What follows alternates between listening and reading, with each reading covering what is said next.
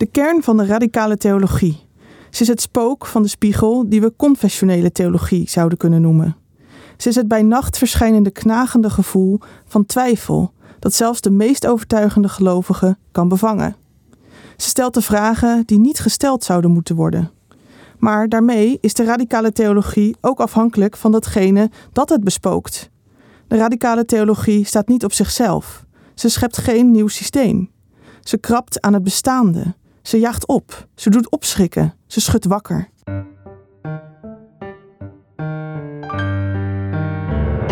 De Theologie Podcast gaat over wat vandaag speelt in kerk en theologie.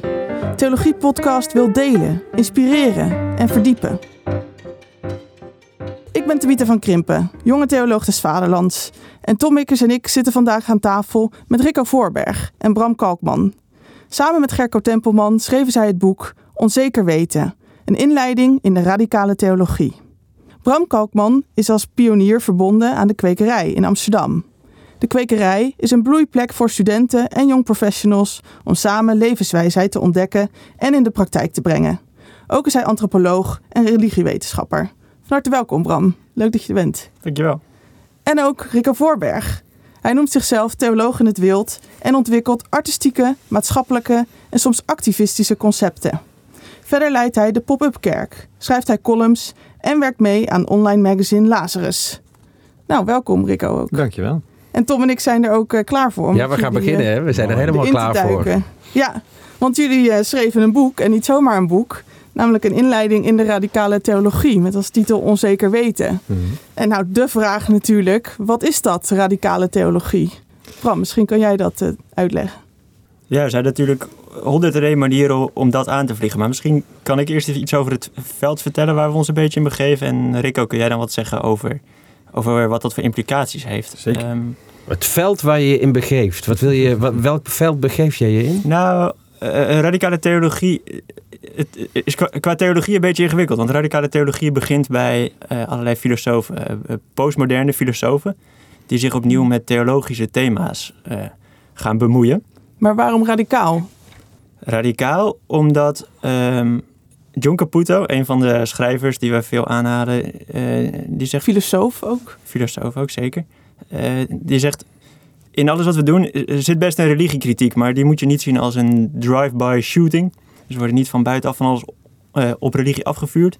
Maar we willen in de wortels, in de radix, uh, uh, kijken wat er, wat er voor vernieuwend, wat er voor levendig, wat er voor avontuurlijk in zit in religie. Maar ja. wat is nou in één zin radicale theologie? Want ik, ik snap het ja. nog niet helemaal. Radicale theologie is uiteindelijk de, de klokkenluider van de theologie. Die zegt, er gaat hier iets mis. Uh, jullie hebben een, we hebben een fantastisch systeem opgebouwd, uh, maar uh, hier zitten echt nog hele grote vragen. En dat is dat wat de hele tijd de radicale theologie doet. Ze zoekt in de wortels naar de onzekerheid binnen een theologisch uitgedacht systeem. Dus jullie zijn twee klokkenluiders?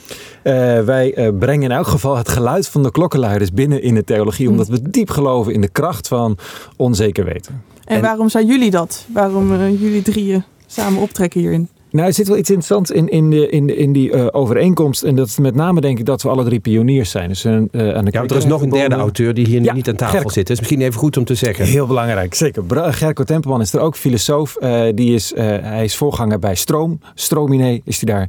En, hij, um, en we zijn alle drie op zoek naar um, nieuwe vormen van aanwezig zijn met het oude verhaal van christendom in deze postmoderne, totaal geseculariseerde context. Dus drie auteurs, één boek, drie klokkenluiders. En met klokkenluiders loopt het meestal slecht af. Nou ja, uh, dat kan. Uh, maar ja, goed, uh, uiteindelijk doet het systeem er, als het goed is, zijn winst mee. En belangrijker nog, en dat is wel echt een voor mij een hele, hele grote urgentie, is dat het staat op voor mensen die slachtoffer worden van het systeem. En dat doet radicale theologie de, de hele tijd. Dus het heeft ook een sterke link met bijvoorbeeld bevrijdingstheologie. die zijn wat uit elkaar gelopen in de, in de geschiedenis. Maar het feit dat de mensen slachtoffer worden van systemen, daar moet iemand naast staan en zeggen: jongens, jullie pretenderen van alles, maar hier lopen mensen weg. En uh, daar gaat iets mis. En dat is niet om het systeem kapot te maken, maar is om het uiteindelijk het systeem te verrijken met de onzekerheid die je, die je nodig hebt. Uh, de vraag van ja, maar klopt het eigenlijk wel wat ik doe? En dat zien we ook steeds bij de uh, recensenten. Tenminste, de afgelopen week nog een, een vrijzinnige recensent en daarvoor een, best wel orthodoxe. en die allebei kiezen om eh, het boek te pakken als een spiegel. zich af te vragen. Eh, waar zijn wij vastgelopen in zekerheden die eigenlijk niet Hm. passen bij het onderwerp van wat we, wat we doen, namelijk God zelf? Dus het gaat ook om een stukje blootleggen. Ja. Om kijken wat is nou de rand en wat is nou de kern. En hoe maak je dat onderscheid? Nou, ik weet niet of het met rand en kern te maken heeft, maar wel met waar zijn we ga- gaan, waar zijn we, oh, hebben we gekozen voor veilig in plaats van onveilig? Waar hebben we gekozen voor ons, ons eigen clubje versus eh, de, de mensen die bij ons weggelopen zijn en die we eigenlijk een klein beetje Maar irritant vinden? Je zegt, bij ons zijn weggelopen. Wie is ons? Oh, in dit geval is het natuurlijk een, ehm, eh, de, degene die de theologie bewaren, dat is heel vaak de kerk. Ehm, dus er, Ja. er lopen mensen weg uit bestaande systemen. Eh zijn kerk is natuurlijk een systeem en dat is een heel belangrijk systeem. Het is ook een beweging, maar het is ook een gesystematiseerde Ja. beweging. Maar hoe ziet dat systeem er voor jullie uit? Of waar, ja, welke achtergrond speelt daarin mee?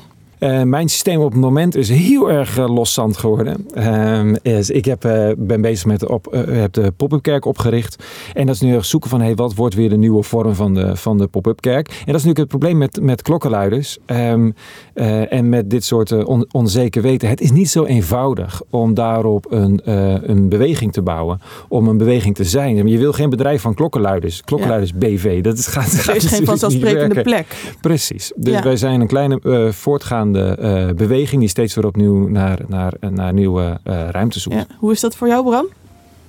Ik denk dat ik me daar uh, grotendeels bij aansluit. En ook wel die moeilijkheid ervaar van hey, als je dit allemaal vindt en denkt. eh, als je, zoals je in de opening zei, wil, wil krabben aan, uh, aan, aan wat, er, wat er bestaat. ehm, dan maakt dat het spannend om ergens bij te horen. En tegelijkertijd is dat wel continu de uitdaging die we in ons boek ook aan willen gaan. En in jouw leven, hoe is dat in jouw leven verlopen? Want wat, wat je zegt, ik wil iets vertellen over het speelveld waarin ik actief ben. Mm-hmm. Hoe ja, is wat dat is dat speelveld? Wat hoe ziet dat, eruit? Ja. Uh, help me even hoor. In je leven, je bedoelt religieuze Nou, dat boek is geschreven vanuit een soort innerlijke motivatie. Dat hoor ik Rico eigenlijk ook vertellen. Zeker. Vanuit de dingen die ja, je zeker. doet. Ja. Uh, ik, ik kan me voorstellen dat dat voor jou ook zo is. Dat het ergens gaat over dag... systemen, over ja. weer iets nieuws. Ja. Wat is dan dat oude? Waar hebben we het dan over?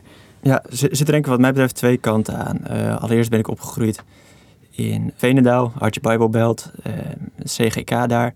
En, Christelijk Gereformeerde Kerk. Zeker, oh, ja. Mis, misschien niet op de hele strenge, strikte manier zoals uh, jij, Rico en Gerco, die hebben meegemaakt, maar...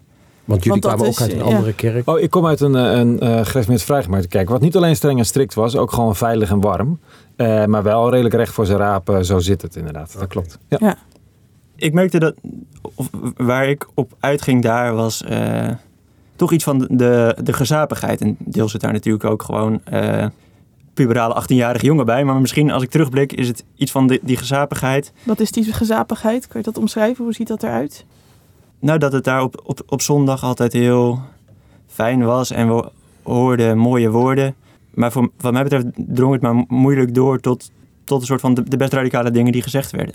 Uh, die dus jij zitten. zat daar in de kerk en wat hoorde je dan daar op die zondagochtend? Uh, dat, dat, dat is ver terug. Daar heb ik geen concrete uh, voorbeelden van. Dus dat, dat, dit is ook met de bril van nu, waarop, waarop ik terugkijk, nou ik daar als 18-jarige jongen zat. Uh, dus nou, die, die gezapigheid in de, in de kerk is voor mij een van de aanleidingen. En de tweede is wat ik in de kwekerij meemaak. Dus als waar we het met studenten of mensen die net klaar zijn met studeren, young professionals, um, waar de, de wereld aan je voeten ligt, uh, waar, waar alles kan en wat ook gepaard gaat met een bepaalde stuurloosheid en onzekerheid. Want je bent daar een soort voorganger in die kwekerij. Nou, voorganger is, nee, zou ik niet kiezen als term. Um, als kwekerij zijn we geadopteerd door de Protestantse Kerk Amsterdam. Jullie bieden trainingen aan, workshops. Exact. Uh, en in wat we doen zijn wij niet in eerste instantie religieus. Maar het gaat meer om een soort zin zoeken. Uh, we we geven ons hebt. op het randje van, uh, van zingeving en persoonlijke ontwikkeling, ja. Maar die radicale theologie breng je daarin. Er is een verband met die kwekerij en het boek dat je hebt geschreven. Da daar put ik ook deels uit dezelfde denkers, ja. Um, en hoe om, krijgt dat vorm? Hoe, hoe wordt daarop gereageerd? Hoe breng je dat in? Welke relevantie heeft die radicale theologie op die plek? Uh, denkers die we in ons boek aanhalen, als Zizek en Rollins, die, die bevragen een, vanzelf, ja. een vanzelfsprekend systeem. Wat denk ik eh, in het geval van de kwekerij dus heel erg gaat over een prestatiemaatschappij. Je kunt alles worden als je maar hard genoeg werkt. En we- bij de kwekerij proberen we er eh, door die zekerheid heen te prikken. En ruimte te maken voor de onzekerheid. Om met elkaar samen te komen en zeggen: hey, het, het lukt niet bij mij. En ik heb hier vragen over. En eh het leven loopt niet zoals ik zou willen. En ik denk dat het daar heel erg in de buurt komt van wat we ook in ons boek willen doen. Maar waar dat dan in een religieuze context gebeurt. En daar raakt heel erg aan elkaar. Dus die prestatiemaatschappij, eigenlijk wat, wat, wat mensen als Rollins, Caputo, die denkers die we in de boeken aanhalen, zeggen van ja, er, er is Kun je soms... die even heel kort omschrijven? Ja, Peter Rollins, even- ja, Peter Rollins is een, een Ierse eh, theoloog, filosoof, ehm, eh, die eh, eh, st- eh, steeds weer de, cons- de concepten van christendom omkeert, binnenste buiten haalt. eh, ehm, Veel paradoxen gebruikt. eh, vooral veel paradoxen en verhalen gebruikt. Hij is echt een verhalenverteller. En En- deconstrueren, hè? is een de, deconstructie zit, eh, is niet van hem, die is, die is al wat ouder. Maar eh, wa- wat, ze- wat ze doen is voortdurend, zeg maar, de- wat belangrijk is aan deconstructie, is iedereen hoort er destructie in. Maar dat is het niet. Het gaat over een deconstructie. Dus het uit elkaar halen van bestaande systemen om uiteindelijk weer iets constru- kunst- constructiefs te bewerken. Oké, dus dat is Peter Rollins. En dan hebben we Eh, Hebben we Zizek, die, waar Rollins ook veel van moet leent. ik eventjes bij Bram zijn. Zizek. Ja. Bram, Bram. Zizek. Wie is Zizek? Ja, eh, ik wil er even terugpakken. We hebben eigenlijk eh, Ja, even deze vraag. Want anders Ja, ja, dan- ik moet daarna door naar de prestatiemaatschappij. Maar Zizek? Nou, Slavoj Zizek is een Sloveense eh, filosoof. eh, opgegroeid daar de tijden van het communisme. En, eh, sindsdien houdt hij zich daarom bezig met ideologiekritiek. Atheïst ook, toch? Atheïst. Eh, eh, en ehm, in zijn ideologiekritiek, in zijn kritiek op het kapitalisme... ziet hij een waardevolle bron in het christendom. Dus hij zegt eh, op het moment... Of het, het kapitalisme en ideologie in brede zin belooft ons op allerlei manieren heelheid. Ehm, het christendom kan dat op precies dezelfde manier doen. Maar het christendom heeft iets unieks, namelijk een God die sterft aan het kruis en daaruit roept: Mijn God, mijn God, waarom hebt u mij verlaten? Daarin zit een soort van medicijn in het christendom tegen het idee dat, dat, er, dat er iets is wat je heel gaat maken. Ja. Eh, en daarin is hij gefascineerd door het christendom. Eh, en nou ja, in deze zin van ideologiekritiek is hij voor ons een hele nuttige bron om uit te putten. Maar Ja, dat is wel grappig, want hij is dus atheïst, zelf verklaard atheïst, maar komt, valt mij op in het boek, op best wel ja, christelijke concepten en ideeën uit. Ja, doen er meer. Eh, Nietzsche dat eh, doen we in het boek. En Caputo is de derde. Hadden er drie. Dus misschien ja, laten we ze alle drie eventjes Caputo. Langslopen. Bram is hier de specialist in het Caputo. samenvatten. Op een briljante manier samenvatten van, eh, van de denkers. Caputo. Ja, waarom ik net terug wilde is dat Caputo en Zizek de uiterste zijn. En Rollins is een soort van mix van die twee. Eh, dus als ik nu even terugga naar eh, Caputo, dan eh, heeft Caputo een katholieke achtergrond in de Verenigde Staten opgegroeid. Ehm, gespeeld met het idee om in te treden in een klooster. Eh, als, als novice daar rondgelopen en uiteindelijk mee gestopt om zijn kloostercel te verruilen voor de theologie of voor de filosofiefaculteit. Ehm, waar hij inspiratie vindt bij Jacques Derrida, andere bekende filosoof, ehm, en zijn deconstructiedenken. Derrida is ook een zelfverklaard atheïst. En Caputo leest hem en zegt: hey, hier, hier zit iets dieps religieus in. Eh, een bepaalde. Nou, nu kan ik er misschien niet omheen om eh, ook, ook nog iets van de deconstructie uit te leggen. Eh, misschien met het voorbeeld van de wet en gerechtigheid. Dat is een, een populair voorbeeld wat Caputo veel aanhaalt. Hij zegt: enerzijds hebben we de gerechtigheid en die is altijd enorm moeilijk te vatten. Eh, we kunnen het er eeuwig over hebben, maar zelfs als we alle meningen naast elkaar leggen, komen we daar niet uit. En aan de andere kant hebben we de wet als soort van concrete uiting van die gerechtigheid. Als de, die de regels waar je je aan moet houden Exact. En om, als, om als de die twee, gerechtigheid te, ja, die de gerechtigheid moeten bewaken als het ware. Exact. En als die, als die twee te ver uit elkaar drijven, als de wet op zich gaat staan en de gerechtigheid uit het oog verliest, eh, dan hebben we een probleem. Eh, lees een toeslagenaffaire misschien. Ehm, tegelijkertijd hebben we weinig aan gerechtigheid als we geen wet hebben. Eh, dan blijft het een abstracte droom. Dus die twee, de, de verhouding tussen die twee en de spanning tussen iets abstracts en iets concreets. En dat concrete kan nooit een complete uiting zijn van dat abstracte. Ik vind hem heel filosofisch worden. Je moet, nou, je moet bij elke wet weer vragen, is die nog wel rechtvaardig? Alleen al. zeg maar. Werkt die nog? Nee, is die nog rechtvaardig? Is dit op dit moment rechtvaardig om deze wet uit te voeren? Of is het rechtvaardiger om de regel Is het nog te een afspiegeling? Is het om de regel te Maar breken? wat heeft dat dan te maken met radicale theologie? Radicale theologie stelt uiteindelijk die vraag steeds naar, naar ehm, ehm, je zegt dat je gelooft in God, maar geloof je nog wel in God? Hmm. Ehm, dus op het moment dat jij met, ehm, nou vraag, vraag, kijk, laten we even kijken naar hoe Poetin eh, religie gebruikt. Daarvan zegt iedereen van, ehm, ja, het, het is allemaal hartstikke vroom, wat, eh, het lijkt vroom, wat, eh, wat de bisschop daar in Syrië eh, eh, klaar maakt. Maar het is natuurlijk abs- absoluut geen geloof. Als je dat kunt zeggen van hem, waarom is dan het geloof wat ik in de kerk aanhang of wat mijn dominee vertelt wel geloof? Ja. Kan ik, daar, kan ik daar achter komen? Kan ik dat vaststellen? Nou, dat is eigenlijk nog maar de vraag. Maar dan- zijn er vaste criteria voor? Maar dat is radicale theologie, want ik vind het interessant dat je Poetin noemt. Mhm. Ik zou me ook voor kunnen stellen dat mensen gewoon in het algemeen zeggen... dat vind ik nou eens een hele radicale theologie. Dat woord radicaal heeft ook een bepaalde associatie in zich. Dus het is, dat is niet wat je bedoelt. Je bedoelt met radicale theologie dus die stroming in de theologie. Er zijn verschillende woorden voor. Eh, Caputo heeft het ooit ook weak theology genoemd. Hoe? Eh, weak. Zwak. Zwakke, Zwakke theologie. zwakke theologie. Wat ik ook Ja. een prachtig woord vind. Alleen het heet nu nou eenmaal radicale theologie. dat En dat heeft iets te maken met die radix, met die wortels. We gaan in de wortels op zoek naar de onzekerheid die eigenlijk al in het verhaal zelf zit. Maar het is ook wel frappant dat eh, we hebben het over radicale theologie, maar dan kom je toch als eerste met filosofen aanzetten. Ja. Waarom juist filosofen en wat kunnen zij ons vertellen, ook voor de theologie? Nou, ja, het zijn de filosofen die natuurlijk hebben, op een gegeven moment hebben gezegd, bijvoorbeeld Nietzsche, eh, God is dood. Mhm. Ehm, en, eh, daarvan, en, en, ehm, en wij zijn- hebben hem doodgemaakt. En wij, eh, precies, en wij hebben hem vermoord. Wat natuurlijk al in zichzelf een hele bizarre gedachte is. Een God die dood kan gaan, is of geen God, of hij kan niet doodgaan. Maar dus, daar is, er is natuurlijk iets heel ingewikkelds. Geloof je nou in God? Eh, Hmm. Als je in God gelooft, dan, dan, dan is het blijkbaar een, een, een, eh, een wezen. Maar als hij dan dood kan gaan, is het dan nog een God? Dus, nou, dus daarmee gooien ze sowieso een, een, een, een heel taalveld open. Maar het idee dat God kan sterven en dat dat. eh, eigenlijk nemen die theologen dat weer op als van ja, maar dat zeggen misschien atheïsten, maar God zelf, daar gebeurde ergens iets op Golgotha met een, met een, een Jezus die, die de verpersoonlijking was van God zelf en die sterft. De held in het verhaal die, ehm, eh, die, ermee, die ermee ophoudt, die verdwijnt. Dus natuurlijk is er een opstanding, maar dat is niet, geen herstel van de situatie zoals die daarvoor was. En is dat misschien waardevol voor onze theologie? Moeten soms onze goden ook sterven?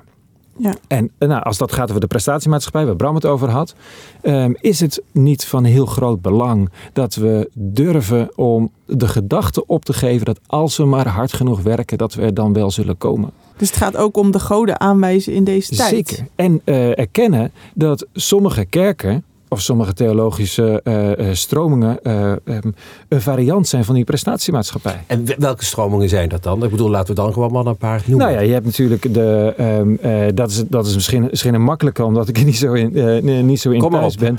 Maar dat zijn ehm, eh, de God die zegt van als je maar hard genoeg bidt, dan zal God je geven wat je wilt. En als je niet krijgt wat je wilt, heb je niet hard genoeg ja, maar in welke kerken zitten we dan? Moet ik dan aan het welvaartsevangelie denken? De welvaartsevangelie is denk ik een afspiegeling daarvan. Maar zijn het Zeker. evangelische kerken? Is het de katholieke kerk? De welvaartsevangelie heeft best wel een impact op een heel aantal evangelische kerken. Ehm, en, ehm, maar goed, ik herken het natuurlijk ook in mijn, in mijn eigen traditie.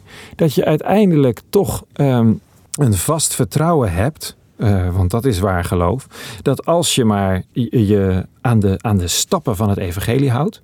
Ook al is men daarin Stappen, voorzichtig. dan hebben we het over een soort zelfhulpboek. Nou ja, Eh, maar dat is natuurlijk het risico. En dat lopen we allemaal. Ja, maar ik loop het in mijn eigen relatie. Als ik maar ehm, eh, zorg dat ik ehm, ehm, genoeg aandacht heb, eh, zorg dat de bloemen zijn op het juiste moment, daar ben ik heel slecht in, en nog een heel aantal andere dingen, ehm, dan zou het toch gek zijn als deze relatie niet loopt. Als ik maar naar de kerk ga, als ik maar die categorisatie, als ik maar die vereniging, als ik maar, nou dat is toevallig mijn achtergrond, en iemand anders heeft dat, als ik maar de hostie, als ik maar dit, als ik maar dat dat. is een dwangmatigheid. Dan zou het-. Nou, het is het moment dat je, ehm, je hoort het aan de mensen die eruit gevallen zijn uit het systeem.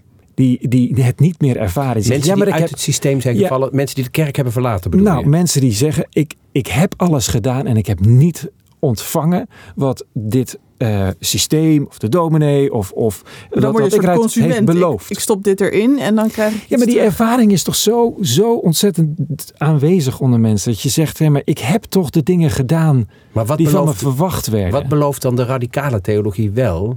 die, die Want belooft... ze zegt enerzijds, kijk, dat oude systeem belooft niet. Ja. Of maakt zijn beloftes niet waar. Maar Ja. hier is een nieuw systeem en dat, puntje, puntje, puntje. Maar dat is precies de vraag. Eh, of, het- we zeggen, eh, denk ik steeds, dat het geen nieuw systeem is. Maar een vraag, een voortdurende vraag aan het systeem. En, Een vraag ook eh, aan het geloof even. En dat is best, ja, een vraag aan het geloof, maar ook aan, aan elke, elke vorm die we daaraan hebben gegeven. En we doen best wel iets spannends in dit boek.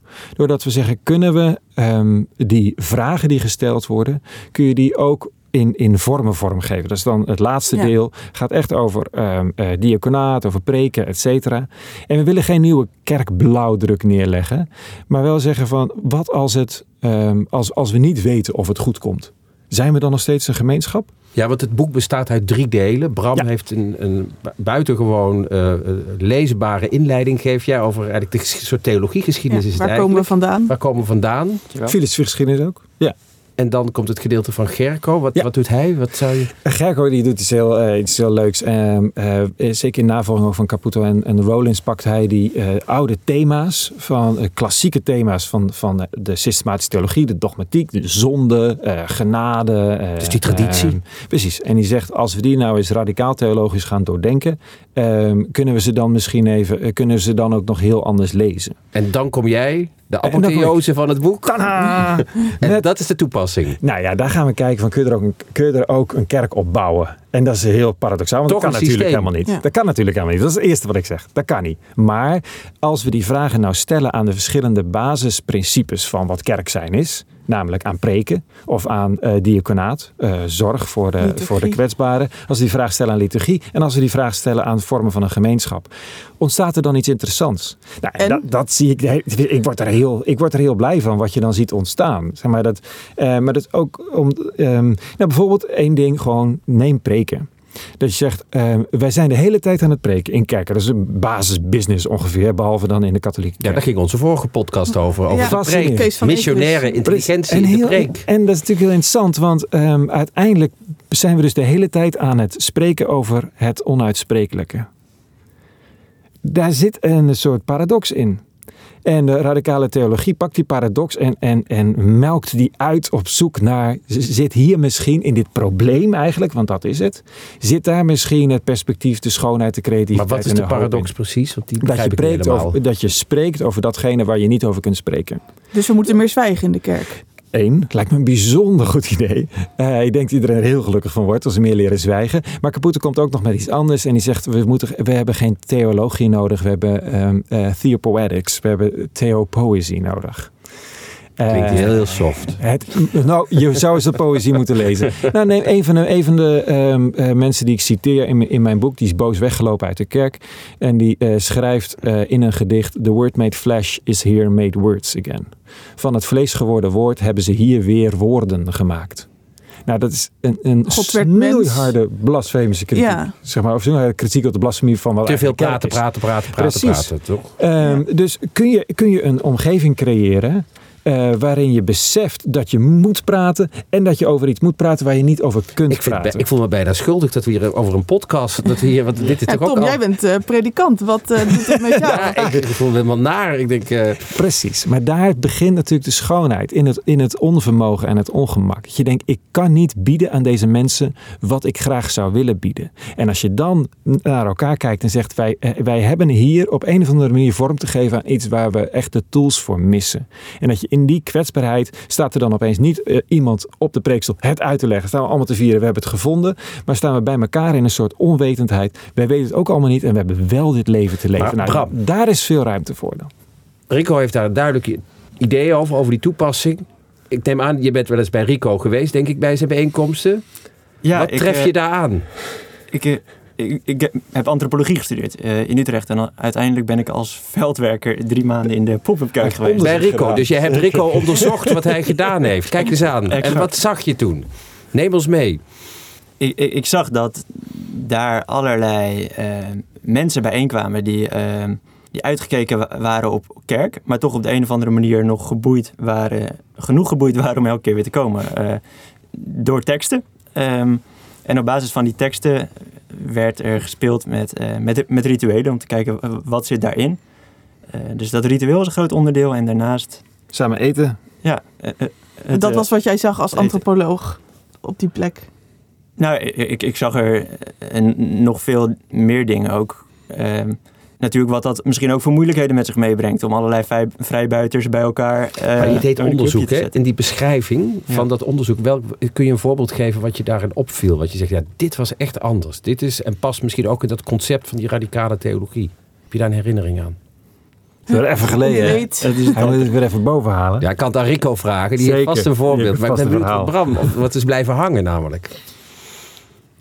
Uh, eentje die me bij is gebleven ging over uh, een bijbeltekst waarin het woord, uh, de Engel, het Engelse term was envelop. Uh, dus iets, volgens mij Jezus werd omsloten door een wolk.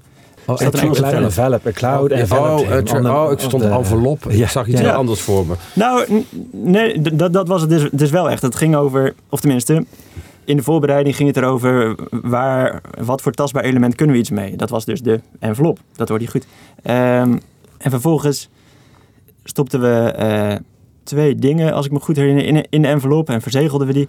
Uh, namelijk een uitspraak die iemand je ooit gedaan had die je enorm pijn heeft gedaan.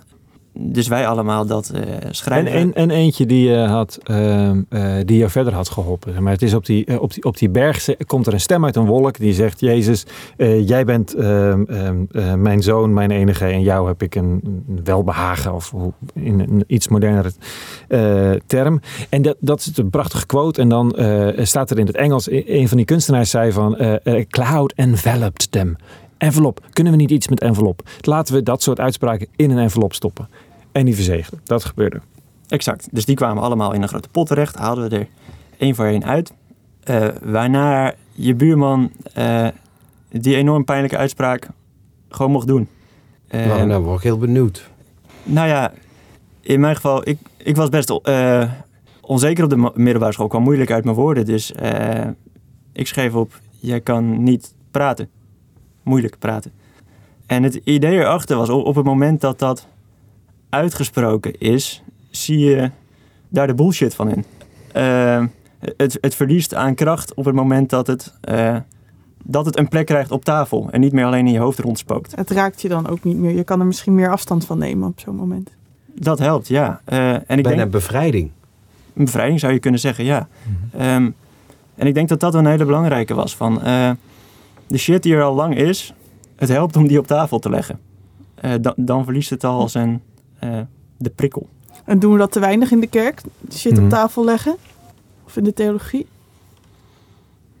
Uh, nou, nou in, in, ons boek gaat dat dus over, is, is denk ik veel van die shit, is, is onzekerheid. Uh, en ik denk inderdaad dat, dat ik zelf blij zou zijn met meer ruimte om die onzekerheid te delen in de kerk. Ja. De olifant in de kamer. Ja. Dat die benoemd wordt. Dat ja. is radicale theologie. Ja, ik denk het wel. We hebben, uh, en um, om, om dat verder te brengen hadden we inderdaad dat soort vormen, vormen verzonnen. Zeg maar, een, een van de voorbeelden denk ik uit directe kerkelijke praktijk is het mammonmaal wat we ooit hadden bedacht. Het waarbij, mammonmaal? Ja, het mammonmaal. Mammon is de, de geldgod. Hm. En wat er gebeurt in een kerk, zoals ik die ken, Geldmaal. katholiek overal, is natuurlijk dat brood en wijn gedeeld wordt. Als van jongens, wijd je toe aan Christus, dan dat is ja, belangrijk, eeuwenlange goed, praktijk. et cetera. Eeuwenlange praktijk. Als we die nou eens omkeren, dachten we, en we zetten een tafel op de vloer, trokken daar mensen om me heen. Uh, en degene die het ritueel leidde, die pakte een geldbriefje uit de kistje dat op tafel stond. 20 euro, scheurde het in kleine stukjes. Uh, en zei, dit is het lichaam van de mammon, van de geldgod, dat voor u verbroken wordt. Deed het op toosjes, gaf het rond en zei, neem, eet, gedenk en erken. Dit is waar we ten diepste ons vertrouwen op stellen. Al onze mooie woorden ten spijt. Mensen namen, aten, uh, uh, gingen nog, uh, deden het nog met een, eh, een, een goldstrijker, zo'n zo'n drankje waar goudsnippers in zitten. Hetzelfde verhaal. Beetje lacherig en grappig, maar aan het eind waren mensen boos. Tenminste, er werd heel veel gepraat. Maar... En ik dacht, wat gebeurt hier? En iemand zei, je moet even, even heel ja. kort afmaken. Iemand zei van, dit, is, dit, is, dit kun je niet doen. Je kunt niet zomaar geld gaan zitten verscheuren. Dat had, had het dan aan de armen gegeven. Ik zeg, en dat is ook weer die radicaliteit. Dat is radicaal erin. Maar iemand anders die zei, ik ben, um, en daar zit het bevrijdende. Ik ben een heel heel blij. Maar ik zeg waarom? Hij zegt nou, ik ben altijd een heel relaxte jongen. eh, totdat aan het, eind van de, aan het eind van de maand mijn geld op is. Dan opeens denk ik, oh, ik moet van alles regelen. Ik moet. Dus mijn relaxedheid is compleet afhankelijk van, mijn, van de geldbasis die ik heb in mijn leven. En ik word er zo zag, ik baal daarvan. Dus ik heb met heel veel plezier dit opgegeten. En ik ga met nog veel meer plezier uitpoepen, zei hij. en ik denk, wat er gebeurt aan die tafel was, in plaats van dat je zegt, jongens, hier moeten we heen. Zeg je, jongens, dit is. Ook weer constructie. Het vertrouwen dat wij hebben in geld. Eh, en het is bevrijdend om daar, daar los van te komen. Exact. Het is, het, is, het is de deconstructie van onze taal. Namelijk dat we best relaxte mensen zijn en helemaal niet afhankelijk van geld. Nou, dat is heel vaak heel erg wel zo. Met dat het op tafel legt, wordt het van zijn kracht beroofd. Maar je En moet dat wel een bestemming zijn daarvoor. Zo, ik zal me voorstellen. Tuurlijk, die vormen een kunnen soort niet overal. Kunstzinnige stemming hebben. Ik zie ook Tuurlijk. mensen voor me, als ik dit zou gaan doen, dan zou ik zeggen, zeg, eh, doe niet zo gek. Absoluut, absoluut. Dus dat hoeft ook helemaal niet. Dat gaat, eh, maar wat in de kunst doet, is natuurlijk vaak een, een verdervoering van wat je hoopt dat in de gewone praktijk gebeurt. Dat je tafels vormt waaromheen je pijn op tafel En kan het laat zien wat die radicale theologie is. Zeker, maar het zegt dus, eh, als je pijn op tafel kan leggen, is dat voldoende. Ga daar niet overheen nog zeggen, oh je hebt het moeilijk, je hebt zonde gedaan, je hebt je vergist, je hebt gefaald, ik weet de oplossing. Nee, dank je wel dat je dit wil toeleggen op tafel. Ik leg mijn falen ernaast. En that's it. En dan ontstaat er een bevrijding die volgens mij diep christelijk is. Vind ik wel mooi. Ja, ik vind het ook wel mooi. En als mensen nou luisteren en denken, hé, hey, die radicale theologie, dat lijkt me wel wat. Hoe kunnen ze daar dan mee beginnen, ook in hun eh, eigen context? Ik vind het ook mooi die bevrijding die geschetst wordt, uh, Tabita. Ja. Toch? Dat dat uiteindelijk datgene is wat je beoogt. Toch een klein beetje een belofte. Ja, nou ja, zeker in onzekere tijden als de onze. Weet je wel, eh, eh, Nietzsche die heeft een soort van geprofiteerd van hey, alle onzekerheid gaat Dat wegvallen. is lang geleden, maar nu... Zeker. Nou, en nu leven we in een tijd waarin nog veel meer zekerheden wegvallen. En kunnen we daarin leven zonder het te willen oplossen. Nou, ik denk dat in we die dat spanning zoeken. blijven staan. ook. En ik denk dat het boek daarin ergens werkt. Eh, maar ook gewoon ehm, eh, clubjes vormen. Zoals, nou, je hebt in het zakenleven heb je die, die fuck-up nights. eh businessmensen die samenkomen en die zeggen, dit is mijn grootste falen. Ja. En het Alle niet oplossen. delen. Deel ze met elkaar. Waar, waar, waar is het niet gelukt? En kun je een veilige plek creëren waarin iemand dan niet zegt: Oh, maar dan weet ik wel iets voor jou. Maar waarin diegene zegt: Hé, hey, wacht even. Misschien heb jij ook wel iets op tafel om ernaast te leggen. Bram, wil jij daar iets aan toevoegen? Eh, ja, om nog even misschien terug te brengen naar de titel van ons boek, waar het ook wel aardig wat over gegaan is. Het, ehm, eh, P- Peter Rollins heeft een uitspraak.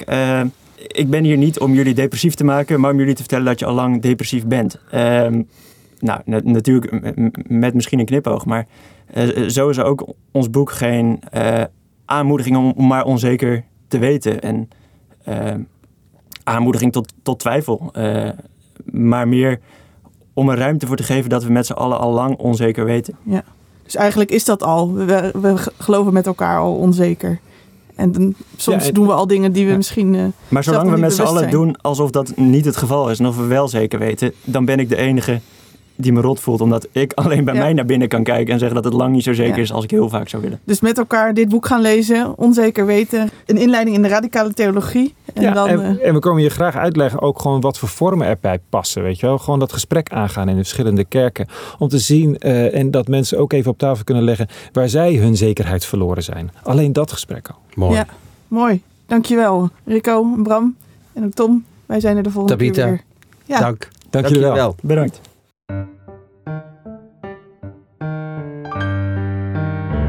Wist je dat deze podcast onderdeel is van het platform theologie.nl? 1400 theologische blogs, 650 theologische boekrecensies en honderden theologische artikelen staan voor je klaar om te lezen. En als luisteraar hebben we een leuk aanbod voor je. Lees alles op theologie.nl, één maand gratis. Ga naar de site en kies lid worden. Gebruik de code podcast tijdens je bestelling. Tot ziens op theologie.nl.